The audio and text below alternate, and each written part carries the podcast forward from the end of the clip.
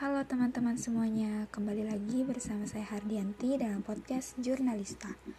Buat kalian pendengar baru podcast ini, selamat datang dan selamat mendengarkan. Kali ini, saya akan membahas mengenai kuliah sambil bisnis. Ya, mungkin kuliah sambil bisnis sudah tidak asing lagi.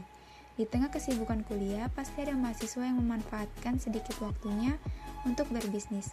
Salah satu usaha yang sering saya jumpai adalah buket bunga. Bisnis rumahan ini cukup menguntungkan, apalagi di lingkungan mahasiswa. Belakangan ini, buket bunga menjadi pilihan untuk kado perayaan kelulusan maupun ulang tahun. Peluang bisnis ini dilakukan mahasiswa di sela waktu senggang, apalagi pada masa pandemi seperti sekarang ini. Kuliah dari rumah membuat kita memiliki cukup waktu luang untuk produktif dan menemukan ide-ide kreatif. Beberapa hari yang lalu, saya bertemu dengan Mbak Ayu Rizky, seorang mahasiswa semester akhir. Di tengah kesibukannya mengerjakan skripsi, ia mendapatkan ide bisnis dengan modal kecil, dan menurutnya, buket ini tidak memakan waktu dalam pengerjaannya. Ia memberanikan mencoba bisnis buket ini karena melihat peluang. Berawal dari teman yang kebingungan mencari toko buket dengan harga murah.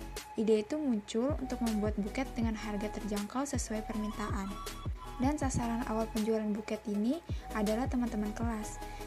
Buket yang ia buat tidak hanya buket bunga, melainkan dapat berupa buket boneka, snack, make up, bahkan uang.